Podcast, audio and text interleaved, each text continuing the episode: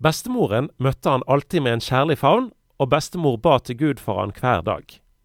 Men ellers var det masse utrygghet i Stein Jarle Nybakken sin oppvekst, noe som satte dype og vonde spor. Likevel er det en helt uvanlig erfaring av fred som er det dagens P3-gjest aller helst vil snakke om. Jeg liker ikke å prate altfor mye om det gamle. Jeg liker best å prate om det nye. Men jeg kan fortelle litt. Ehm, jeg vokste opp i et hjem der det var ehm, en mor som sleit en del. Hun, eh, hun var aleine med meg, hun eh, jobba eh, mye. Hun hadde det vanskelig. Jeg vil bare si det sånn. Så når jeg vokste opp, så var det noen episoder som var veldig, veldig vanskelige. Det var, eh, det var både selvmord og selvmordsforsøk, og det var, det var masse, masse vondt som skjedde i de åra. Både der og når jeg dro til min far, som bodde 50 mil unna, i Oslo, så, så, så var det ikke bra. Det var Om det er rus eller det er vold eller det er andre ting så jeg vokste opp i, i, i mange ting som, som ødela meg som liten. Jeg var nervøs, jeg var engstelig. Jeg hadde ikke evne til å slappe av. Jeg stressa rundt. Jeg stressa rundt, kravde. Og, og, og eh, noen er flinke som trener når de er unge, men jeg klarte ikke å la være. For jeg måtte alltid gjøre noe. Jeg måtte alltid styre med noe, da. Så, så når jeg tenker tilbake, så, så, så, husker jeg den uroen. Ufred, angst, bekymring. Og så prøvde jeg å flykte inn i, i, i trening. Og seinere så flykta jeg inn i verre ting enn det. Ja. Så Eh, når jeg var 14-15 år gammel, så, så flytta jeg fra, eh, fra Moi på Sør-Vestlandet til, eh, til, Oslo. Og da ble det livet en del som min far og de levde, som drakk og festa. Da ble det en del av mitt liv. Så jeg begynte å, å leve sånn som jeg som liten forsto at en absolutt ikke skulle leve. Så var jeg plutselig fanga i det sjøl. Men, men, nå forstår jeg jo at alle de eh, påkjenningene skapte nerver og angst. Og nerver og angst skapte dette suget etter å finne noe som kunne skape fred. Og da var det jo For meg var det for det meste alkohol, men det kunne også være noe andre ting. Men for det meste alkohol. Vi hadde ikke noe penger til noe annet.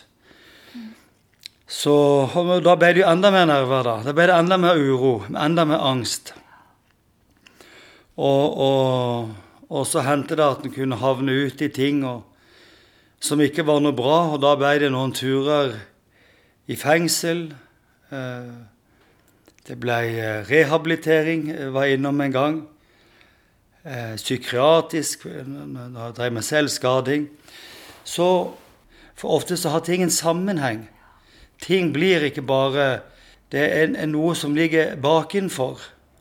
Det er hendelser, ting som har skjedd. Og, og mange, mange, forstår ikke engang, for noen tar det som en selvfølge å føle seg trygg i, i barndom og oppvekst. For, og det er jo fint at det, noen kan vokse opp. Jeg håper så mange som mulig kan vokse opp sånn. Men det er en del av oss som det absolutt ikke er en selvfølge. Og, og, og noen av oss må, må eh, jobbe, de som ikke får oppleve en fylde av guder. Så kan en, mange av disse menneskene oppleve angst og uro et helt liv. Og aldri kjenne trygghet og fred. Det, det er mange ting jeg kunne ha fortalt. Eh, eh, og det er nok en del ting som jeg har valgt å, å legge helt vekk.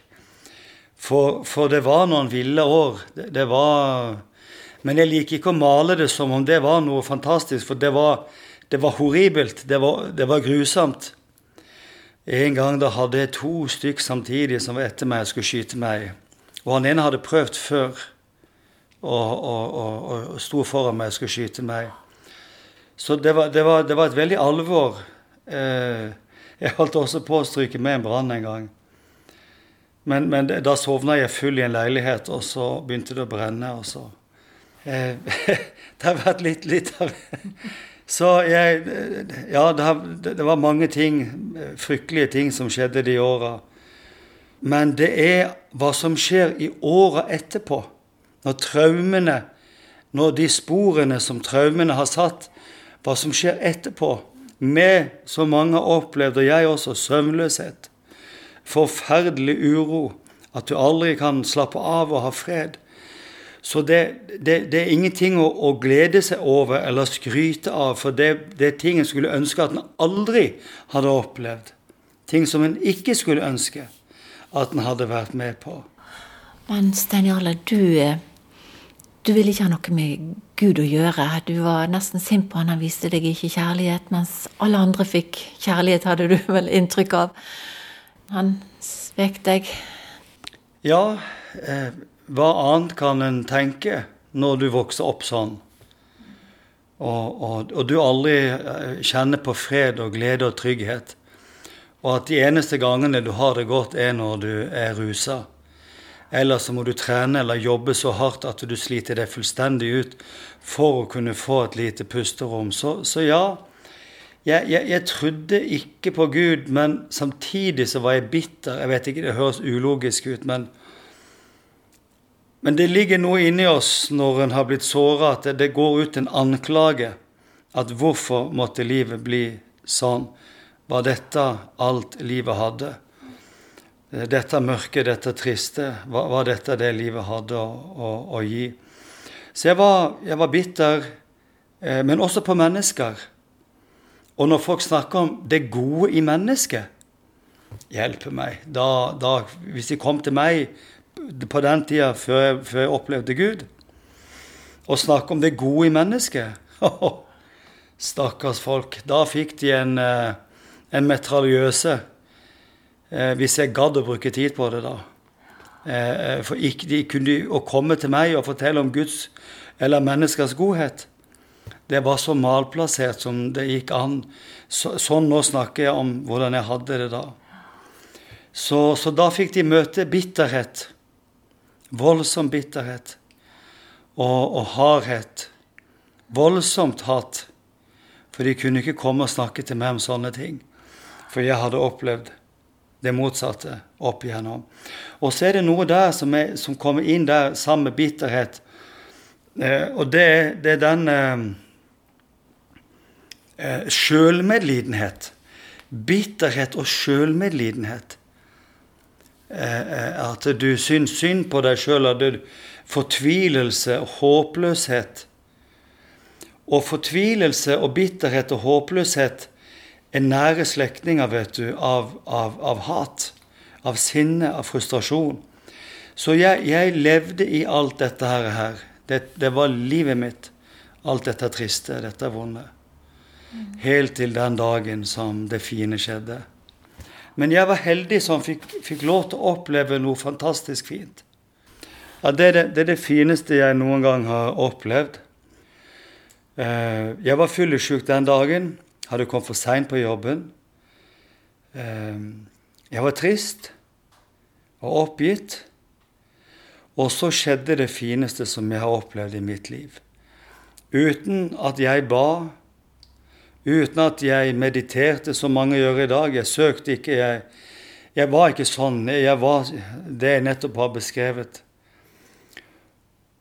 Jeg fylles av kjærlighet, jeg fylles av fred, jeg fylles av glede. Jeg fylles av letthet. Det går ikke an å forklare det, egentlig. Jeg følte meg så lett, så lett, så lett, som om som det ikke fantes ett eneste problem på jorda og, og, og, og du, du, ser, du, vi kan jo forstå det at det, sånn som livet mitt var da, så var det tusenvis av problemer. Det hadde bare vært et, det var et hav av problemer. Men når, når Gud kom, så forsvant alle de problemene. Det triste, det tunge, det håpløse. Det bare fordufta. Og det var som en, en innvendig forløsning. Jeg, jeg, jeg, jeg, fikk en sånn glede, men, men, mer enn sånn glede du får av en gave eller, eller et eller annet eh, vanlig. Dette, dette var en helt annen type glede. Eh, noen ganger så kan noen kanskje le fordi at de hører noe morsomt, og så ser det ut som de er glade, men dette var, dette var en sann og ekte og djup glede. En fullkommen glede, sammen med fred. Eh, ja, og, og, noen sier ja, mister du bak, bakkekontakt, eller eh, eh, eh, var du liksom jeg aldri, Men jeg, jeg, har aldri vært klarere i hodet enn jeg var akkurat da. Jeg har aldri hatt mer fred. Mer bakke- og himmelkontakt på en gang.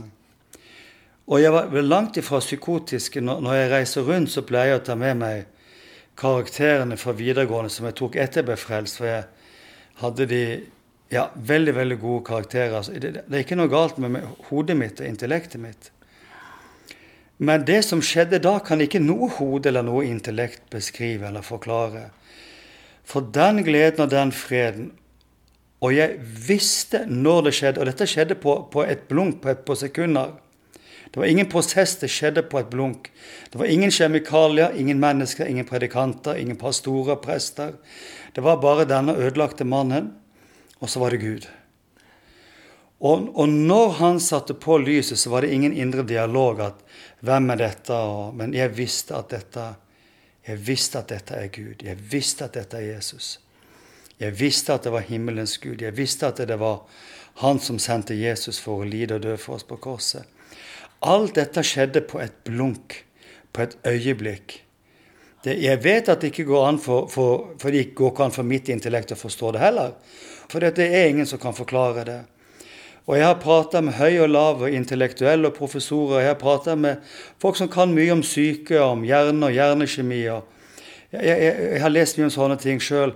Men det fins ikke én eneste forklaring, naturlig forklaring.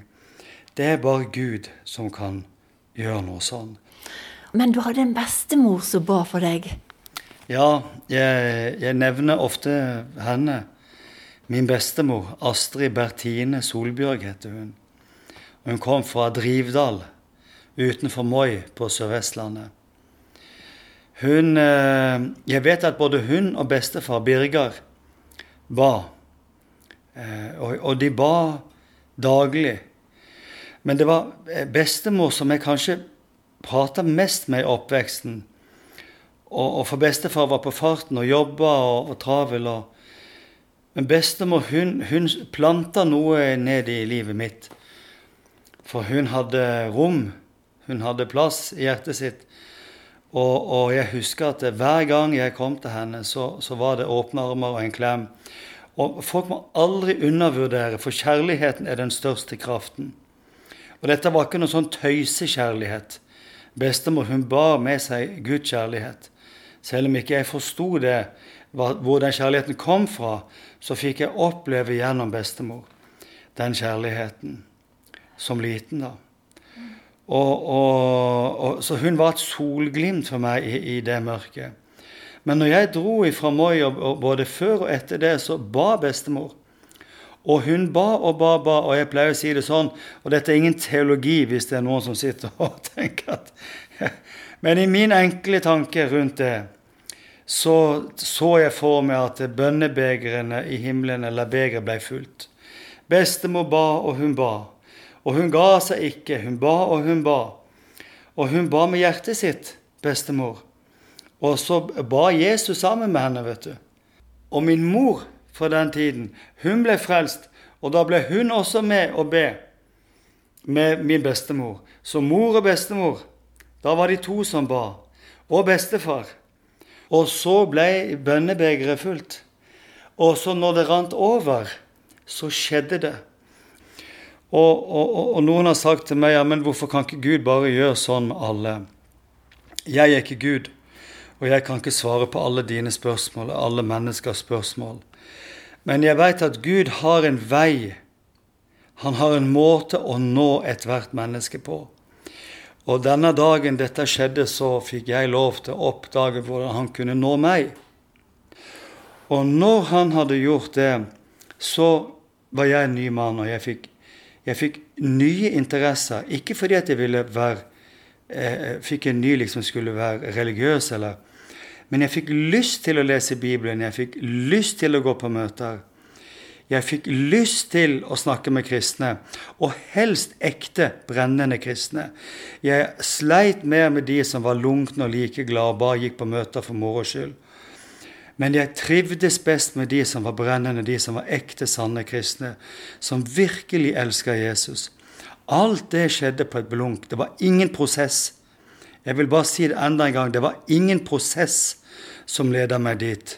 Jeg gikk ifra det livet jeg beskrev, og så skjedde det noe som tok jeg pleier å si et blunk, kanskje to, tre, fire sekunder, så gikk jeg fra det ene til det andre. Og jeg fikk et, et nytt indre, et, jeg fikk et nytt hjerte, eller nytt sinn, om du vil. Og det jeg før var slave unna, det jeg var tvungen til å gjøre som jeg ikke ville, det ble jeg løst, løst ifra. Så jeg hadde ikke lyst til å drikke. Jeg hadde ikke lyst til å slå noen. Jeg hadde ikke lyst til å ødelegge, jeg hadde ikke lyst til å, å, å bryte eh, eh, Jeg hadde ikke lyst til å gjøre noe ondt, rett og slett. Men jeg hadde lyst til å gjøre det gode. Og det var, et, det var et verk av Gud. Og jeg klarte ikke å la være å lese Bibelen. Og jeg måtte gå på møter. Og etter hvert ble det bibelskole, og det ble Jeg studerte også litt eh, teologi og, og, andre ting sammen med idrettshøyskole, litt sånn forskjellig som jeg, som jeg tok med. Men, eh, men eh, av alle ting jeg har opplevd i mitt liv, så er det ingenting, absolutt ingenting, som kan sammenlignes med det som Jesus gjorde for meg den dagen. Det er ingenting som kan sammenlignes med den, med den kjærligheten. Og, og, og, nå sitter jeg her 27 år etterpå, og om jeg prøver å, med min, min hjerne det, det, det nytter bare ikke. Jeg må bare glemme det. For hjernen kan aldri klare å forklare dette. Det fins ingen forklaringsmodeller hvordan et menneske kan bli forvandla permanent. Jeg gjentar, det er gått 27 år. Jeg pleier alltid å si dette her. Min lege sa at hun kjente ingen med min bakgrunn som fungerer noenlunde normalt i det hele tatt. Og hun har også jobbet innenfor psykiatri. Så, så det jeg har opplevd, det skal ikke kunne skje men det er bare fordi at Jesus, finnes, at Jesus finnes, og Jesus lever. For, for, det var det som strålte aller mest. Det var, det, det var navnet Jesus. Det var navnet Jesus. Og jeg ble så glad i å be. Jeg ble så glad i å søke Gud. Og, og, og han gjorde meg til en tilbeder, og seinere så fikk jeg oppleve å bli fylt av en kraft som det ikke går an å forklare. Forskjellige menigheter har forskjellige ord på det. Og det er helt greit å ha forskjellige ord på det. Men når jeg opplevde det et, noen måneder etter jeg var frelst, så bare satt jeg og sa navnet Jesus i en sofa. Så var det to gamle mennesker som ba for meg. Og Jeg husker ikke engang hva de ba, men jeg bare sa navnet Jesus. Og så begynte det en ild eller en kraft å brenne inni hjertet mitt. Og til slutt så brant det i hele kroppen min. Og så begynte jeg å tilbe Gud på et språk jeg aldri før hadde lært. Og jeg gikk ikke i en menighet. Jeg hadde holdt på med sånne ting. For jeg veit mange har hørt om sånn at det er hysterisk og vilt. Jeg satt og jeg sa navnet Jesus, og jeg hyperventilerte ikke. Jeg satt og var rolig og sa navnet Jesus. Så fikk jeg oppleve hans voldsomme kraft og et nytt språk. Og når jeg ble frelst, så var jeg fyllesyk, og jeg søkte ikke Gud. Så det fins ingen menneskelige forklaringer på det jeg opplevde. Jeg, jeg, jeg, jeg håper jeg kan være en oppmuntring, for det er én ting som ligger meg på hjertet det er at mennesker skal bli frelst. At du, der du sitter, der du står, der du er ute og går, at du bare sier 'Jesus, jeg vil tilhøre deg'.